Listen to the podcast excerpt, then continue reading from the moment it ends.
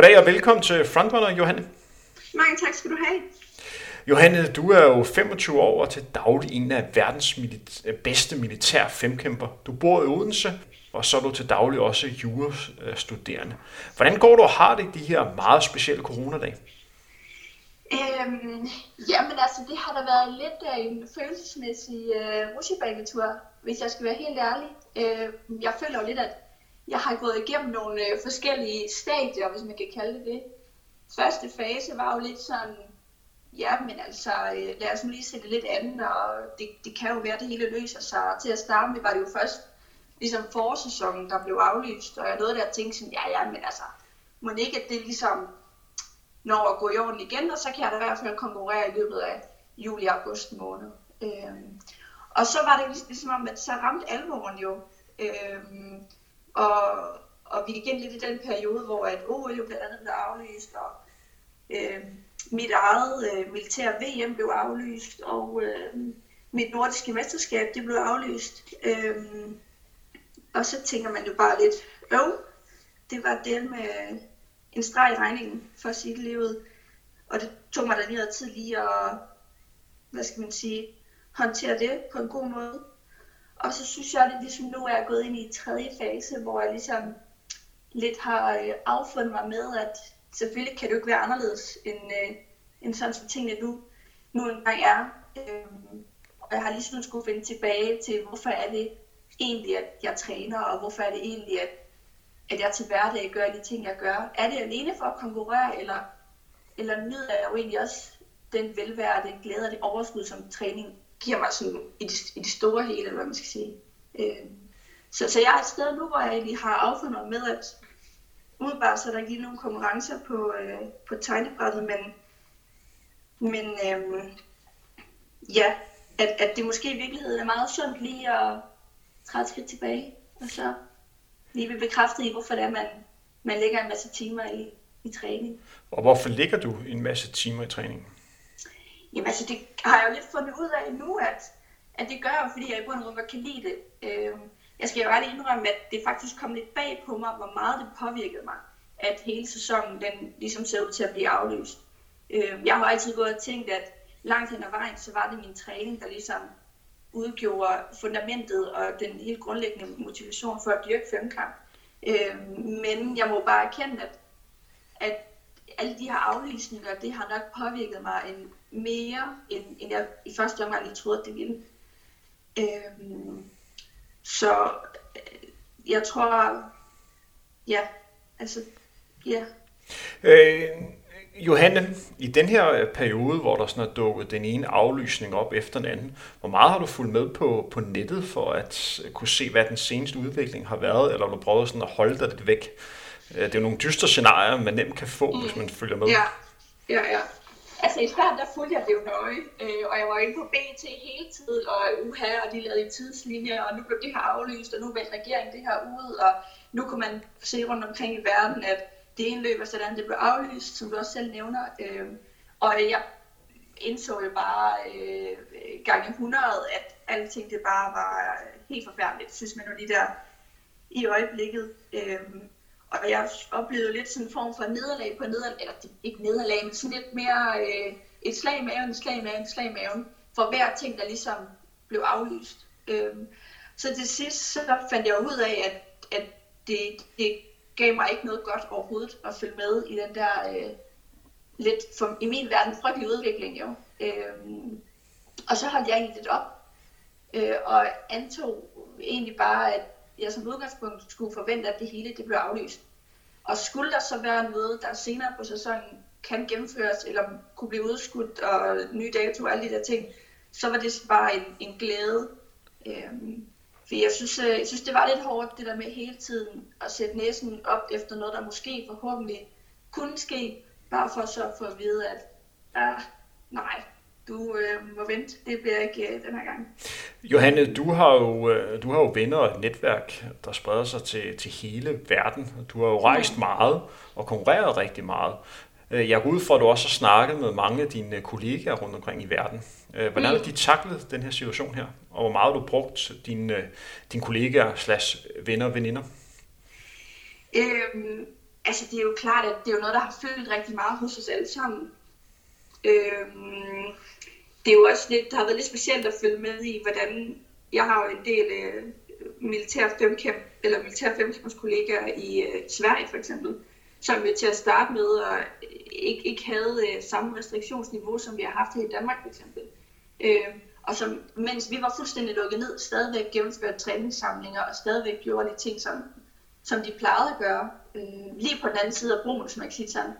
Øhm, og de var jo sådan gode, altså hvad har de gang i der i Danmark og sådan noget, fordi de der mærkelige lukker sig ned, og vi var sådan, jamen altså vi, vi gør vi følger jo bare det, vi bliver fortalt. Øhm, fra så også at snakke med nogle italienske femkæmper, der jo virkelig var, var, øh, var presset øhm, over situationen i Italien. Øhm, så det har været meget sådan, ja, det har været lidt, øh, lidt specielt. Øh, og i Sydamerika har I jo også spurgt meget ind til, sådan, hvad, hvad sker der der, der i Europa? Altså, hvad, hvad Dylan har i gang i derovre?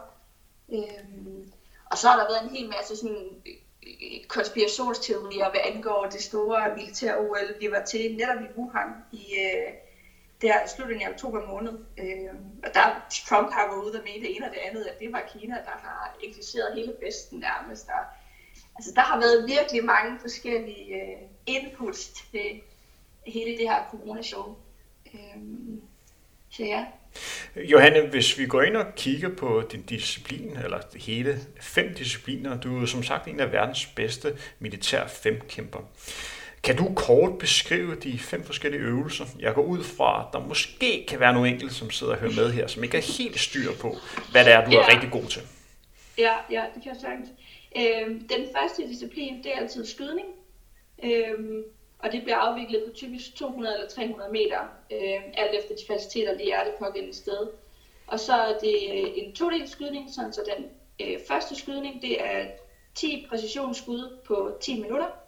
Øh, og så er der en lille bitte pause, hvor man bliver på skydelinjen, og så har man så en hurtig skydning, der er øh, 10 skud på 1 minut.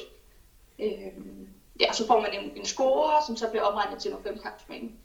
Og så har vi altid forhandlingsbanen som den anden disciplin. Øh, det du selv har prøvet, og sagde du lige til mig før, Henrik. Øh, og den er jo 500 meter lang, øh, 20 forhindringer, og det er sådan en standardbane, der er øh, ja, ens alle steder i verden. Øh, så den, den kender man altid. Så er der svømmeforhindringsbanen, øh, som består af 50 meter øh, svømning, øh, med fire forhindringer, øh, og det indebærer noget over under og noget udspring og, og sådan nogle ting. Øh, og så har vi en fjerde disciplin, som er håndgranatkast, som består også af ligesom to dele. En øh, præcisionsdel, hvor man kaster 16 granater på øh, fire forskellige længder. Øh, og så gælder det så om at ramme tættest muligt på indercirklen, så får man så point derefter. Og så har man så nogle, øh, nogle længdekast bagefter, som man også får nogle point for. Og så øh, den sidste afsluttende disciplin, det er det her øh, krossløb, øh, som er 4 km for pigerne og 8 km for drengene. Øh, og det er afviklet på den måde, at det er en, øh, en jagtstartsformat, hvis man kan sige sådan.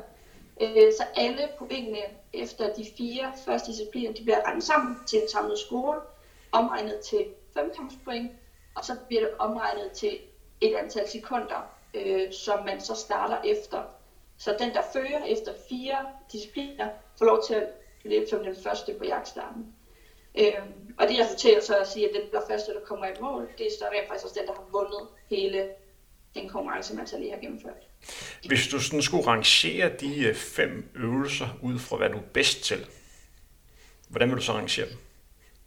Øhm, ja, men altså indtil øh, år 2019, så var det, øh, så var det faktisk, øh, eller faktisk, så var det svømning, der ligesom var der, hvor jeg øh, brillerede mest, eller hvad man skal sige, øh, hvor, hvor jeg lavede flest point. Men øh, med, med den tid, jeg løb i, øh, på 4 km i, øh, i Kina nu her i efteråret, der var det faktisk løb, øh, der endte med at blive min, øh, min bedste disciplin. Så, øh, så lige nu hedder det vel egentlig løb, øh, svømmeforeningsbanen, så hedder det den militære forhandlingsbane, og så hedder det skydning, og så hedder det kast på, øh, på sidste pladsen. hvis vi skal rangere dem pointmæssigt i hvert fald. Hvis du skal rangere det sådan uh, lidt anderledes, rangere efter, hvad du synes, der er sjovest at dyrke, er det også det, som du er bedst til? Er de to ranglister ens?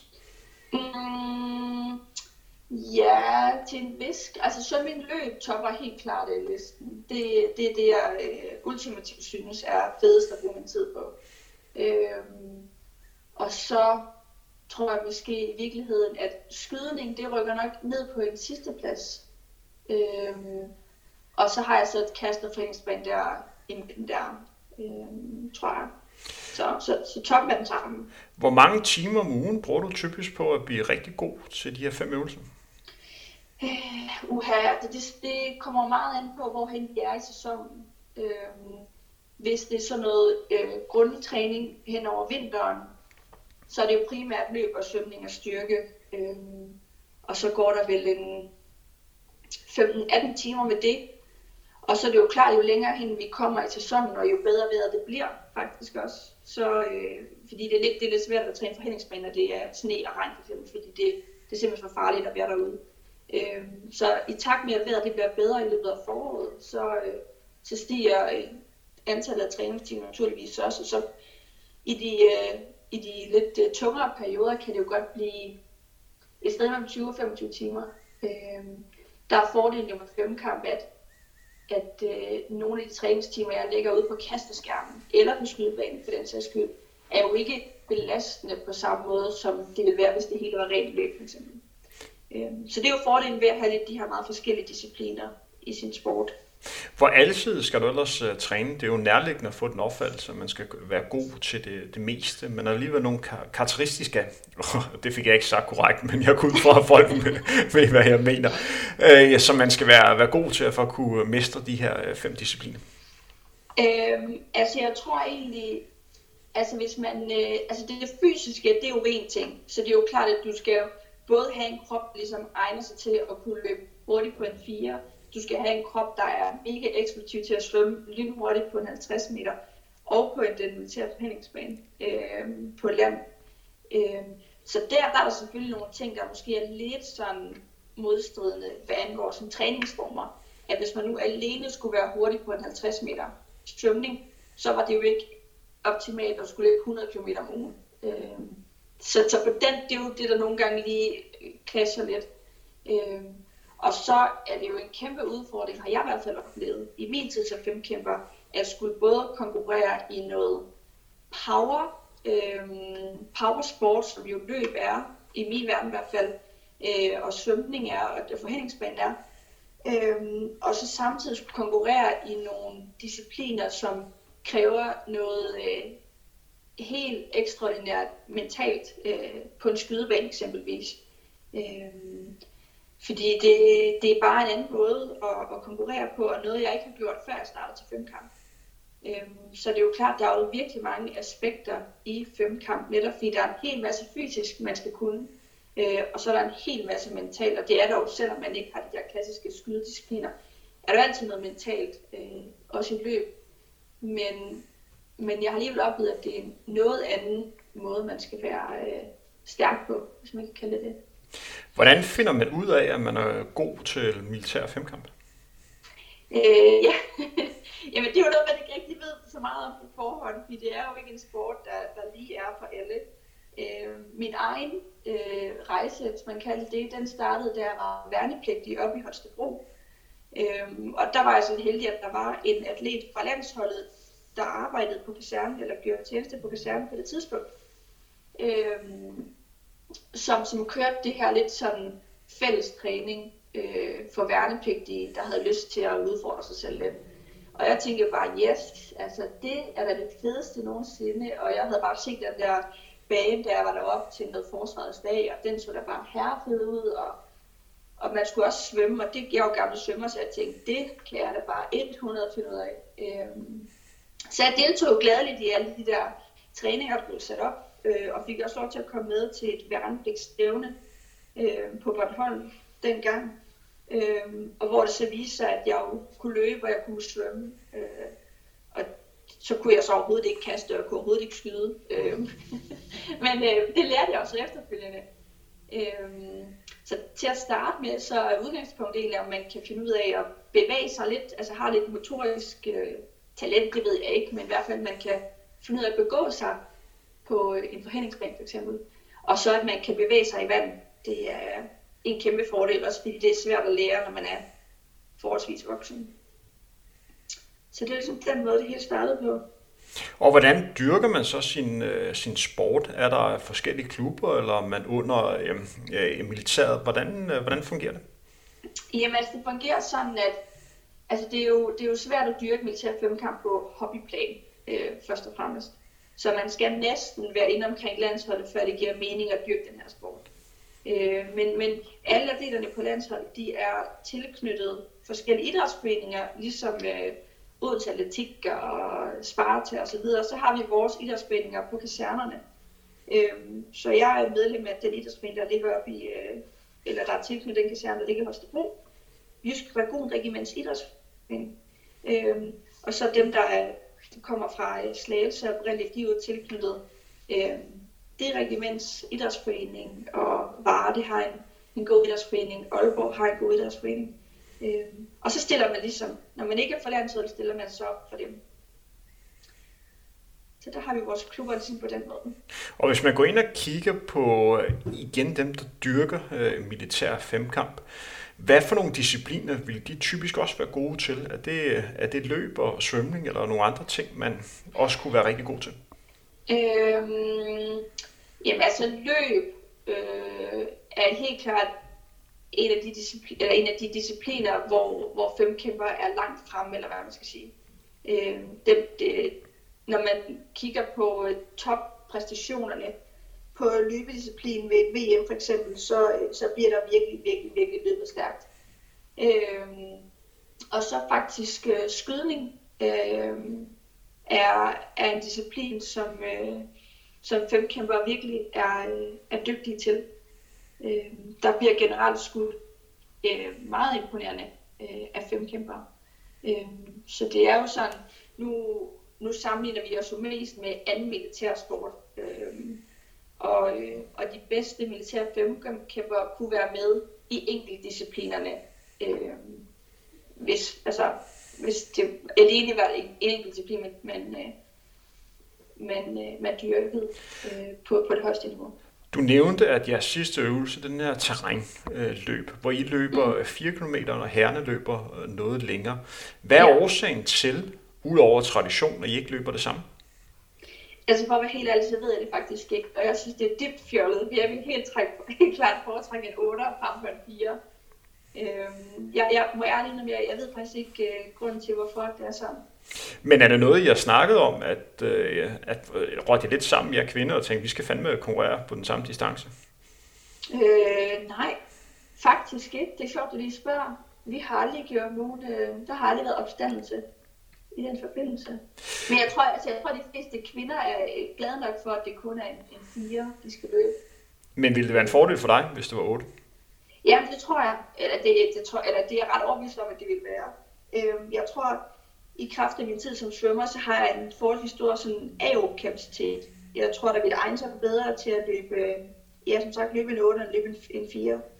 Så jeg tror, det vil ikke noget bedre til mig end 8.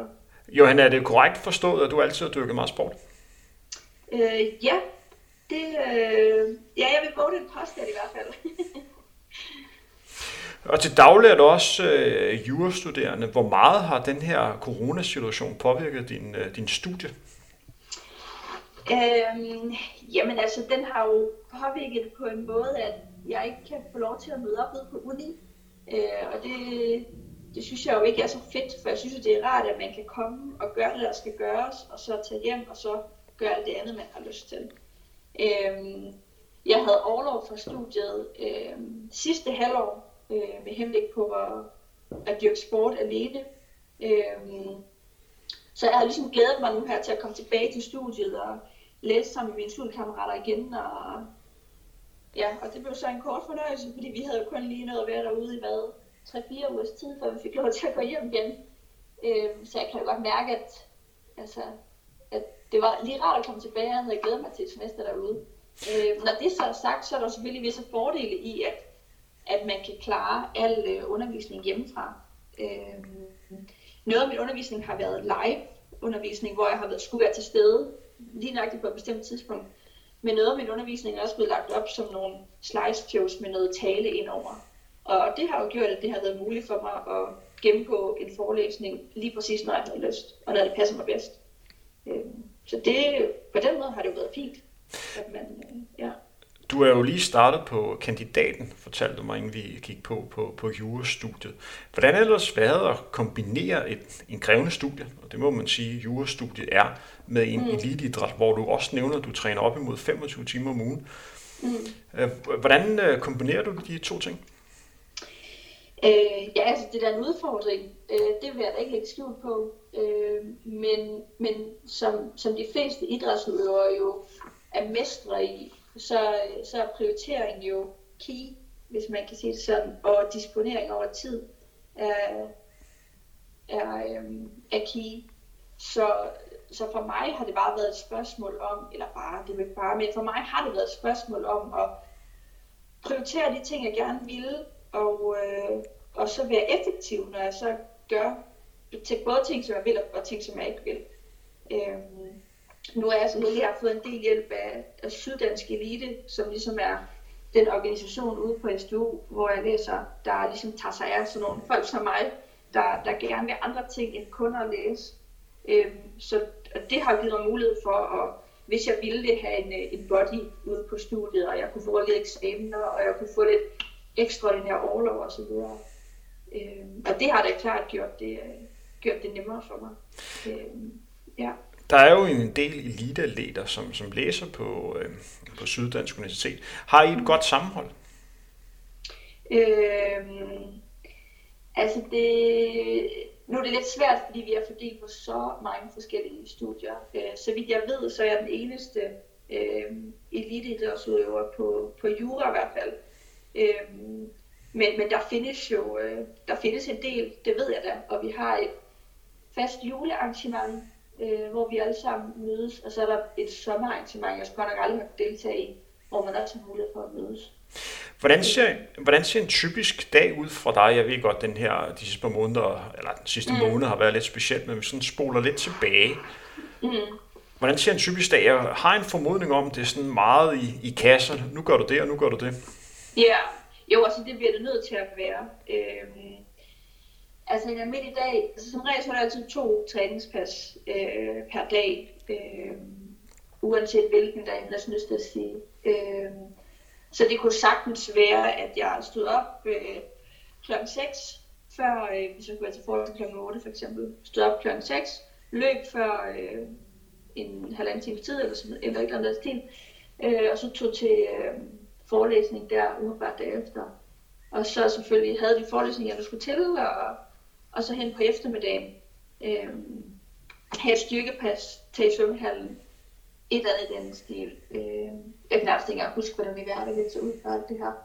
Øh, så, så jeg er typisk to pas, altså et morgenpas og et aftenpas, og så alt derimellem, det har så været øh, skole, eller jeg har også et arbejde, øh, for jeg skal initiere alle festlighederne. Øh, det er nok meget sådan en typisk nogle af de idrætsgrene, der er med i den her militær femkamp, øh, det er jo øvelser, hvor det er en fordel, at man er god til at koncentrere sig og at være til stede i momentet. Er det også noget, mm. du kan bruge i forhold til dine studier, og kunne sætte dig ned og så nu øh, være fuldstændig koncentreret her de næste to timers tid, for nu skal du altså læse? Mm. Øh, ja, altså jeg vil sige, øh, jeg har virkelig lært, at øh, hvis man er effektiv med den tid, man har, så kan man jo nå tusind ting. Altså det kan man jo virkelig. Og mange har jo sagt til mig løbet sådan, at Johanne, du kan ikke, øh, altså alt det du har gang i, det, det, det dur sgu da ikke. Og, sådan. Hvor, og der er jo bare sådan lidt, jo, altså det kan sagtens lade sig gøre, så længe man er villig til at lægge den indsats, det kræver. Øh, og jeg er villig til at sige, okay, jamen øh, nu er det to timer i helvede, for undskyld mit øh, sprog, men øh, nu tager det her to timer, og det er ikke det, jeg drømmer om, det er korrekt, men uh, det skal gøres. Uh, og det tror jeg, at min, en af mine store styrker, det er, at jeg er ret god til at gøre ting godt, selvom jeg ikke har lyst til at gøre dem. Øh, hvis du forstår, hvor jeg vil hen. Ja, jeg forstår det godt. Ja, og det, det, og det har virkelig gavnet mig meget øh, mange hensener. Øh, at, at nogle gange så skal tingene bare gøres. Hvordan? Så det er ikke et spørgsmål, om man har lyst til eller ej. Hvordan arbejder man med det? Øh, jamen, altså, jeg, jeg ved ikke, hvordan man arbejder med det. Altså, jeg tror, jeg lærte rigtig meget af det, dengang jeg svømmede. Øh, svømmede jeg svømmede i elitesvømning i det, der dengang hed Sto 95. Øh, og der, øh, der lærte jeg i en ret ung alder, at øh, nej, det er ikke øh, fedt hele tiden. Det er det godt nok ikke. Men øh, vil du være god øh, til det, du nu enten skal gøre, så er det det her, der kræves. Og så var det bare at stå op kl. 4.45 øh, og cykle ud på øh, eller ud til universitetssvømmehallen, og så lad os bare svømme der fra kl. halv seks om morgenen til kl. halv otte, og så tage i skole, og så tage tilbage til svømmehallen om aftenen for at svømme igen. Øhm, og der, ja, der lærte jeg jo egentlig bare, at, at det er jo det, der nogle gange kræves, hvis man... Øh, men dermed ikke sagt, at, at der er også nogle dage, hvor jeg bare tænker, at det hele, det er bare... Øh er, nu pakker jeg mine sydfrugter, og så øh, tager jeg til et sted langt væk, fordi nu magter jeg det ikke mere. Øh, selvfølgelig er der også sådan nogle perioder. Men der tror jeg bare, at det er vigtigt at holde fast i, og det lyder virkelig sådan, ja, lidt, lidt træls, men sådan, hvorfor er det, man, man vil det? Øh, ja. Vi startede den her udsendelse med at snakke om de mange aflysninger, som har været i forhold til de sportskonkurrencer, der står og ventede for dig her senere i det her konkurrenceår øh, 2020. Hvordan arbejder du sådan grundlæggende med din motivation? Hvordan holder du dig øh, sulten og til ilden? Har du nogle teknikker, du bruger der? Øhm, altså jeg vil sige, altså jeg sparer rigtig meget med, med de andre femkæmpere. Øhm, det synes jeg er øh, helt essentielt og altafgørende for mig, hvis jeg skal have lyst til at, at dyrke meget sport. Det er, at jeg har mulighed for at, at spare med nogen. Øh, jeg har rigtig meget træning alene øh, når jeg er her i Odense, fordi vi på landsholdet er spredt ud over hele landet. Øh, så der er meget træning alene, men, men heldigvis så har vi et, som sagt, landsholdet er gode til, at vi har samlinger hver tredje uge, en weekend hver tredje uge, hvor vi mødes. Øh, og der sørger jo bare for at få suget, få suget, få suget øh, al den motivation, jeg nu kan, ud af de der samlinger. Så jeg har noget brændstof, jeg kan bruge, når jeg så kommer hjem og skal træne alene. Øhm, så så jeg, for mig der er det bare den største motivationsfaktor, det er faktisk at have et hold, man, man, man kan bruge til noget. Altså det lyder sådan lidt, øh, men, men nogen man rent faktisk kan spare med, og man kan vende ting med, og man kan snakke med, og ja. Fordi... Det ikke som, ja, teknikker som sådan har jeg ikke, men jeg bare meget bevidst om, hvad det er, der giver mig noget. Og så opsøger jeg ligesom det i, et større muligt omfang. Fordi det er jo især i de uh, træningspas, hvor man er ude selv, hvor man nemt kan komme ind på uh, et negativt spor, hvor man kommer til at tænke en masse tanker, og det er som regel de negative tanker, man har mest fokus på, og så den måde komme kom lidt væk uh, fra den her, uh, hvad kan man sige, gode zone, man ellers skal befinde sig i. Mm, mm. Ja, altså, altså jeg skal have om det der en udfordring. Altså jeg tror, at alle atleter kender det, det der med, at øh, man, man skal afsted til et eller andet træningspas, man ved bliver øh, helt forfærdeligt, og man tænker, nej, det bliver øh, ikke i dag, og man magter det ikke, og man har allermest lyst til bare at vende om og gå hjem. Øh, men så er der jo bare alligevel noget i en, der siger sådan, nej, det går, det går det med ikke. Altså, øh, nu, nu gør du det, der skal gøres. Øh, og så er det jo det der ønske om i sidste ende, og, og, og ville være rigtig god til det, man gør. Altså det er jo sådan en, en, en det er jo noget, jeg altid har haft inde i mig, at lige ville være, har begivet mig ud i, så har jeg gerne være rigtig god til det. Øh, jeg har, jeg har rigtig, altid gerne været rigtig god til, at, til de studier, jeg nu havde valgt. Jeg har altid rigtig gerne været, at ville være god til min sport, og jeg har altid sat en stor ved at være god til at lave mit arbejde og sådan noget.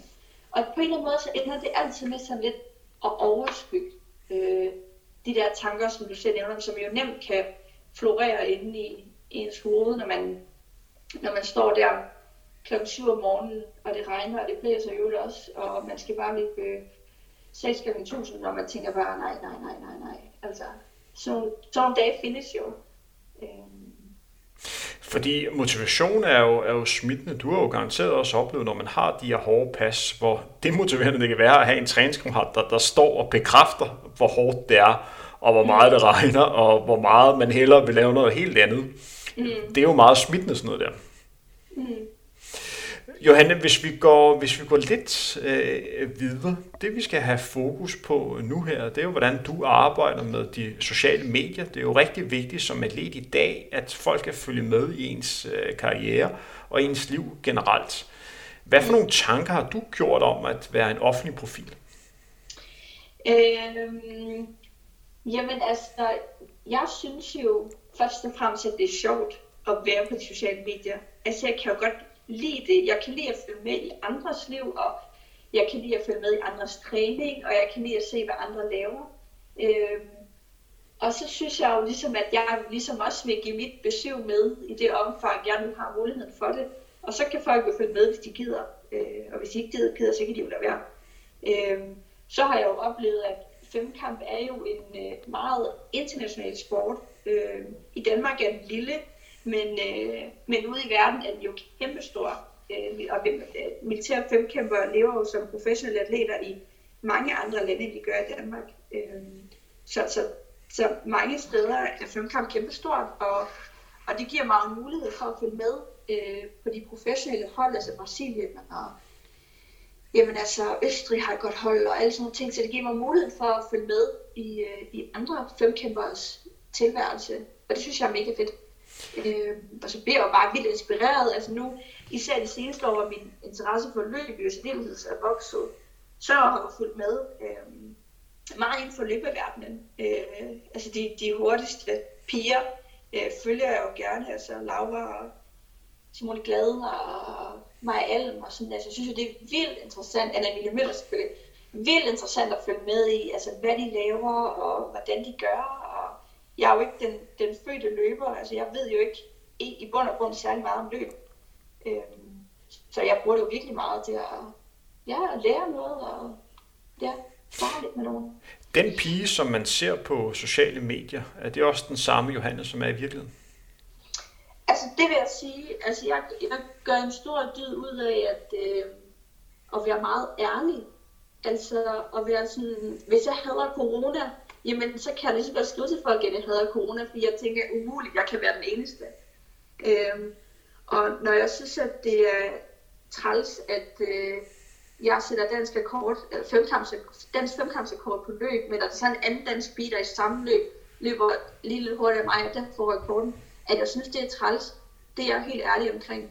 Øh, fordi det, det, det for eksempel påvirker mig meget. Øh, så jeg vil sige, at jeg synes, at, at det, det billede, der er mig, er mig på øh, Instagram for eksempel, det, det er meget retvisende i forhold til, hvordan, øh, ja, hvordan jeg i virkeligheden er, hvis man kan sige sådan. Årsagen til, at jeg synes, det er relevant at snakke om brugen af sociale medier, det er, at når mm. jeg kigger rundt i idrætsverdenen, og når jeg snakker med folk, ikke kun i løbesport, men i andre idrætsgrene, mm. øh, så er det kendetegnende, at alle folk er klar over, at det er vigtigt at være offentlig profil, det er vigtigt at dele ud, men folk mm. mangler decideret viden om, hvordan man skal gøre det. Mm. Føler du, at øh, du har manglet sparring på, hvordan man skal bruge det her medie?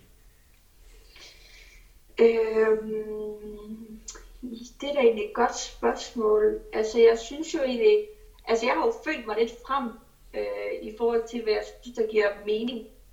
Altså, jeg, jeg, jeg har kigget lidt på, hvad giver mening, altså, hvad giver mening for mig, hvad, når jeg ser, altså, og, hvad, og hvad kunne så tilsvarende give mening for andre. Øh, om jeg kunne bruge noget sparring, det ved jeg ikke. Altså, jeg har jo suget til mig, som sagt, af andre, øh, og synes selvfølgelig, at jeg har fået en, en sparring den vej igennem. Eller nogle guidelines, ja. I forhold, til, I forhold til sponsorer og militær øh, femkamp, du er jo en af de, de bedste i verden med top 10 placeringer til de absolut største øh, mesterskaber. Mm. Øh, hvor stor interesse er der øh, for sponsorer? Øh, altså det skal ikke være nogen hemmelighed, at det ikke er i militær femkamp, at de største penge de er og det er jo ikke der, hvor at, øh, folk de ringer til mig. Øh, jeg er i i tid og utid for at øh, kaste øh, løbesko og øh, andet dejligt i nakken på mig. Altså det, sådan fungerer det jo desværre ikke. Øh, jeg er rigtig heldig, at jeg har en god sponsor her i Odense, øh, Fit for Run, der, der hjælper mig lidt med noget udstyr. Øh, men, øh, men altså, det, militær femkamper har ikke første prioritet på, øh, når der skal søges efter øh, sportsfolk. Hvad, hvad gør du selv for at søge sponsorer? Jamen altså, jeg har jo egentlig opsøgt meget selv, og været ude og sige, hej, øh, her er jeg, øh, kan I bruge mig, og det jeg har tilbudt. Øhm, og, og undersøgt meget, hvordan, hvordan laver man en god øh, sponsoransøgning. Og jo også fundet ud af, at det som sponsorer egentlig er interesseret i at vide, det er øh, de spørgsmål, eller det, det, det, det, der kan besvares ved at besvare spørgsmålet. Øh, hvad kan jeg tilbyde jer? Altså simpelthen sætte sig ned og tænke over, okay, her kommer jeg som atlet, hvad kan jeg tilbyde den her virksomhed? Øh, og så svare lidt på det. Johanne, hvad kan du tilbyde virksomheden? Jamen altså, det jeg i hvert fald selv synes, jeg kan tilbyde, det er jo, altså, det er jo en engageret atlet, der er villig til at øh, være aktiv på sociale medier. Øh, det er jo den tendens, der er, at det er jo der mange øh, brands og øh, forretninger og sådan noget gerne vil ud. Øh, så det er jo, at man har en platform der, det er jo selvfølgelig en, øh, et godt sted at starte, kan man sige. Øh, så, ja, så, er der, så er der også nogle ting, man må spille lidt på, hvad man har ikke at være sådan, at man er villig til at tale godt om, øh, øh, om de produkter, man får, og man er villig til at lidt rundt med noget tryk, og man er villig, med, villig til at, ja, ikke alt selvfølgelig, det er klart, men øh, indføre det, man nu selv synes er acceptabelt. Er der nogle ting, som du ikke kunne finde på at øh, dele på øh, sociale medier? Mm, altså, nu ved jeg, tror jeg, at jeg sidder her og overvejer at på at dele alt, sådan er det overhovedet, så skal det ikke være. Øh, altså, det er da klart, jeg, jeg, har da, øh, jeg vil da gerne bevare en vis form for integritet. Så selvfølgelig så vil jeg udelukkende dele ting, som jeg rent faktisk selv kan stå indenfor. Øh, og jeg kunne aldrig finde på at, at sige, at det her det er mega fedt, bare fordi jeg fik et eller andet ud af det, og så bliver jeg aldrig i øvrigt selv røre det. Øh, så, så, så længe, altså længe noget, jeg selv kan stå indenfor, øh, og det er selvfølgelig lidt det ukonkret, det er godt klar over, så, øh, så umiddelbart er der jo ikke øh, grænse. Det har jeg faktisk ikke, det har jeg ikke tænkt mig over, faktisk. Øh, det her spørgsmål skal forstås på øhm, øh, med al mulig respekt, men du er, jo, du er jo en pæn pige. Har du tænkt over, hvordan man kan bruge det i forhold til at få flere sponsorer og sociale medier? Øhm, ja, altså sådan, det er da klart, det, det hjælper da lidt, at man også kan tilbyde at lave nogle, du har lavet nogle øh, fotoshoots og så videre, og det, det er jo klart, at at det hjælper jo lidt, at man kan sige, i øvrigt, så hvis I kan bruge mig til reklame af den ene eller den anden art, så stiller jeg naturligvis også gerne øh, op til det. Øh, så jo, og det har jeg lavet oplevet at ved, at det har kunne give mig noget, at så siger de, at hvis du kommer og deltager i det her shoot, så, øh, så får du det her, det her tøj med, og så får du øvrigt den her rabatkode for eksempel. Øh, og mod at jeg så også måske løbende gør lidt reklame. Øh, så sådan nogle ting jo, og så er der jo nu, så en gang imellem har der været øh, folk, der har skrevet om, jeg kunne være interesseret i at have deres tøj på, eller om jeg lige kunne lægge et eller andet op, hvor de lige var tagget, eller et eller andet. Øhm, så jo, altså det er da en klar fordel, øh, at man, hvis man kan spille lidt på sit udseende, eller hvad man skal sige. Øh, det, det, det skal jeg da ikke lyve om. Johanne, det er jo altid interessant for personer, som er meget integreret i, i løbeverdenen, og høre nogen, som er en del af løbeverdenen, men også ser det med nogle lidt andre øjne. Ja. Når du kigger på løbesporten, vi har fokus på den danske løbescene her 2020, mm. hvad ser du så? Jamen altså, jeg ser jo en sport, som jeg øh, har vildt meget respekt for. Øh, jeg vil næsten sige ærefrygt faktisk. Også fordi jeg ved, hvor stor en indsats jeg selv ligger i at blive øh, altså, noget, der måske ligner forholdsvis hurtigt. Øh, men så kan jeg jo bare stadigvæk se, hvordan jeg bare er milevidt fra, øh, fra de bedst løbende piger. Øh, så det er jo en sport, som jeg virkelig har vildt meget respekt for. Øh, fordi jeg, jeg har fået en eller anden idé om, hvor meget det kræver øh, for at blive god til at løbe. Altså det, øh, det, det er sgu ikke for sjovt, når, når folk de løber stærkt. Øh, så det er en sport, jeg, øh, jeg har meget, øh, ja, jeg har stor respekt for. Øh, Ja. Løber er jo, er jo kendt for at være have meget fokus på, på dem selv, for det er en meget individuel sport, hvor man skal mm. for at være god, være i stand til at kunne træffe de rigtige valg i forhold til, hvordan man selv kommer frem. Er det noget, mm. som, som du oplever også? Øh, altså i løbesporten? I løbesporten, ja. Øh, altså det jeg vil sige, de, de løber, jeg har mødt igennem min tid, som øh, kun har været løber, øh, hvis man kan kalde det de, øh, de har egentlig aldrig slået mig som værende nogen, der øh, du ved, havde rundsav på albuerne og bare skulle frem i livet for hver pris. Altså dem, jeg har mødt, øh, det har været til eventyrløbet og, og forskellige steder, der, hvor der har været hurtige løbere med, øh, har jo egentlig altid været, øh, synes jeg, øh, altså søde og rare, hvis man kan sige det. Altså helt, øh, helt nede på jorden. Øh, og jeg, om det er fordi, jeg ikke har deltaget i de der meget sådan competitive øh, løb, altså jeg har aldrig deltaget i et baneløb, og jeg har aldrig løbet de der, øh, hvad de hedder, Cross Nationals, eller hvad det hedder. Øh, om det er fordi, jeg ikke har været til stede ved nogle af de konkurrencer, hvor det kommer tydeligere til udtryk, det skal jeg kunne sige. Men, øh, men umiddelbart, så, øh, så synes jeg egentlig, at øh, er, jeg synes folk, de virker rimelig øh, ja, til at med at gøre. Det er jo dejligt at høre, så du synes generelt, at øh, løberne er taget godt imod dig? Øh, ja, det, det synes jeg. Øh, som sagt, altså, det er jo med formål for, at jeg ikke har deltaget i de der øh, meget kompetitive konkurrencer inden for løb. Øh, men jeg synes, altså det jeg så har deltaget i, og der har jo trods alt været en del, der, der synes jeg, at jeg er blevet taget godt imod. Øh, det, det synes jeg. Hvis vi fokuserer på din egen øh, løbetræning, hvor mange kilometer ligger du så der løber?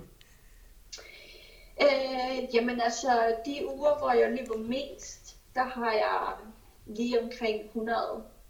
Øh, og de uger, hvor jeg løber lidt mindre, har jeg så omkring 80. Det er det spænd, jeg, jeg vil tro, i de sidste 8 uger har jeg nok løbet ja, 90 i snit, vil jeg skyde på om ugen. Det er ikke helt skævt. Og hvordan ser en typisk træningsuge ud for dig, sådan rent løbemæssigt? Hvor meget er der fokus på, på intervaller kontra almindelig mængdetræning? Øhm, altså jeg vil rigtig gerne, altså optimalt set, så havde jeg tre intervaller om ugen. Øhm, og det, det er bare ikke altid, det kan lade sig gøre, for at sige det som det er. Fordi øh, der er også nogle andre ting, der skal passe ind, og om sommeren, der har man også intervallpas på forhandlingsbanen. Og det, det suger del med noget energi ud af stængerne. Øh, det skal jeg lige love for. Øh, så, så mit mål, det er øh, to intervallpas om ugen, fordelt på noget lidt mere intensivt øh, i det ene pas, altså noget 1000 meter under, øh, og så det andet pas øh, med lidt mere tempo, temperatur. Øh, det kan være 2 gange 20 minutters tempo, eller det kan være tre kvarter, eller ja, det er sådan, de, de to pas vil jeg i hvert fald gerne i løbet af en uge. Hvad er det fedeste, når man er ude at løbe? Hvad er det, der fascinerer dig allermest på sådan en træningstur? Jamen altså, Ja, det var egentlig et godt spørgsmål. Jo, nogle gange så, så kan det godt fascinere mig lidt, øh, hvordan man sådan lidt kan blive ved. Altså forstået på den måde, at jeg jo nogle gange kan, starte, hvis jeg ved, at jeg skal ud og løbe, øh, lad os sige, en time og tre kvarter, og at de første 5 km tænker, okay, øh, jeg, jeg kommer nok øh, aldrig nogensinde hjem fra den her tur. Men så du ved, så bliver man jo ved og ved, og så til sidst så står man jo foran sin der igen, og så er man sådan, okay, det lykkedes, det lykkedes mig, jeg kom igennem. Øh, det kan godt fascinere mig sådan rent sådan, øh, fysisk og mentalt, man kan kalde det øh, Ellers så er jeg jo bare altid forundret over, hvordan man kan have sit liv, inden man tager afsted, og hvordan man kan være jordens glædeste person, når man kommer hjem fra en løbetur. Øh, det, ja, man er altid i bedre humør, når man kommer hjem for en træningstur, end da man startede. Ja, altså det oplever jeg. Altså det, ja, jo, ja, jo. Det er, det er jeg i hvert fald. hvis vi igen holder fokus på den nuværende situation, og mm. hvis vi tager udgangspunkt i de fem discipliner, som du ligger og træner hen imod, mm. er der nogle discipliner, som du ikke kan træne lige nu? Jeg går ud fra, at det er svært at træne svømmefortningsben. Ja, Ja, altså jeg har ikke været i svømme, øh, svømmehallen siden øh, hallerne de lukkede. Øh, og det synes jeg jo ikke er særlig fedt. Også fordi svømning bruger jeg jo også, jeg bruger det både til at, træne, øh, men jeg bruger det også som en eller anden form for sådan aktiv restitution, så jeg kan virkelig mærke, at det har jeg virkelig manglet. Øh, og så øh, de forskellige kaserner rundt omkring, som har øh, kastebaner og forhandlingsbaner og sådan noget, har ikke altid været lige vel, velvillige til at, øh, at lukke udefra det ind. Øh, nu har vi heldigvis her i Odense en, bane, en nedlagt bane, vi kan bruge øh, uden nogen kontrol, eller hvad man skal sige. Øh, så det har jeg kunnet træne i bedste omfang, og så fitness jo lukket. Øh, jeg bruger en del tid på styrketræning også. Så det, øh, det har også været lidt en streg i regningen, at man ikke kunne, øh, kunne styrketræne. Så, øh, hvis, du kigger, ja. hvis du kigger rundt på de andre atleter, så, som er rundt omkring i, i, i verden, mm. Øh, det er jo forskellige udgangspunkt, atleterne her, alt afhængig af, hvad for et land de nu engang ja. bor i. Synes ja. du, det er et problem, at nogle atleter har for eksempel adgang til at kunne, kunne svømme lige nu, mens andre de er nærmest låst inde? Øh, ja, altså det, det skaber da en anden form for ubalance og sådan lidt øh, unfair øh, træningsvilkår. Men det er faktisk ikke noget, jeg har beskæftiget så meget med. Øh, også fordi i bund og grund så er jo den overbevisning, at hvis man ikke kan gøre noget ved tingene, så nytter det ikke noget at bruge en hel masse tid og energi på at bekymre sig om dem.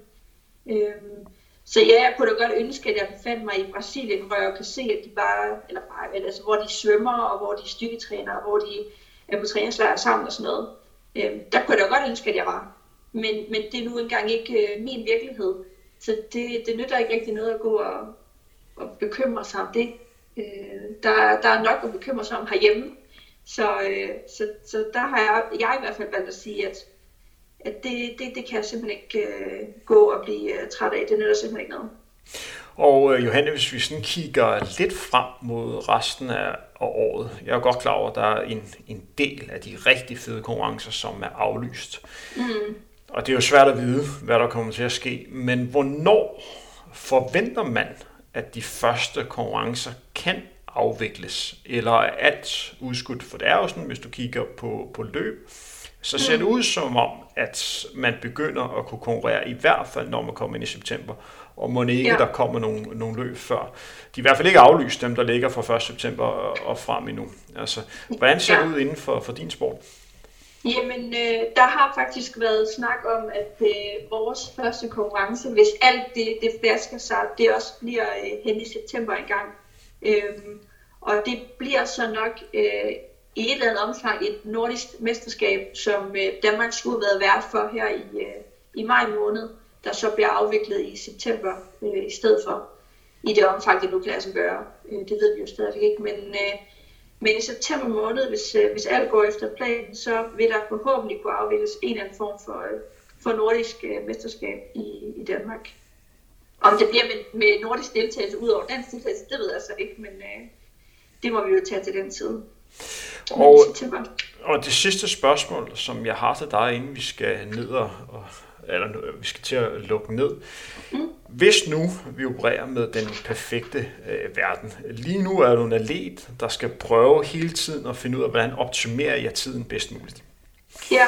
Hvis vi nu legede, at der var alt det økonomi til rådighed, som du skulle bruge for at blive så god som muligt, mm. hvad er det for nogle ting, som du gerne vil fokusere mere på, som du ikke kan nu her?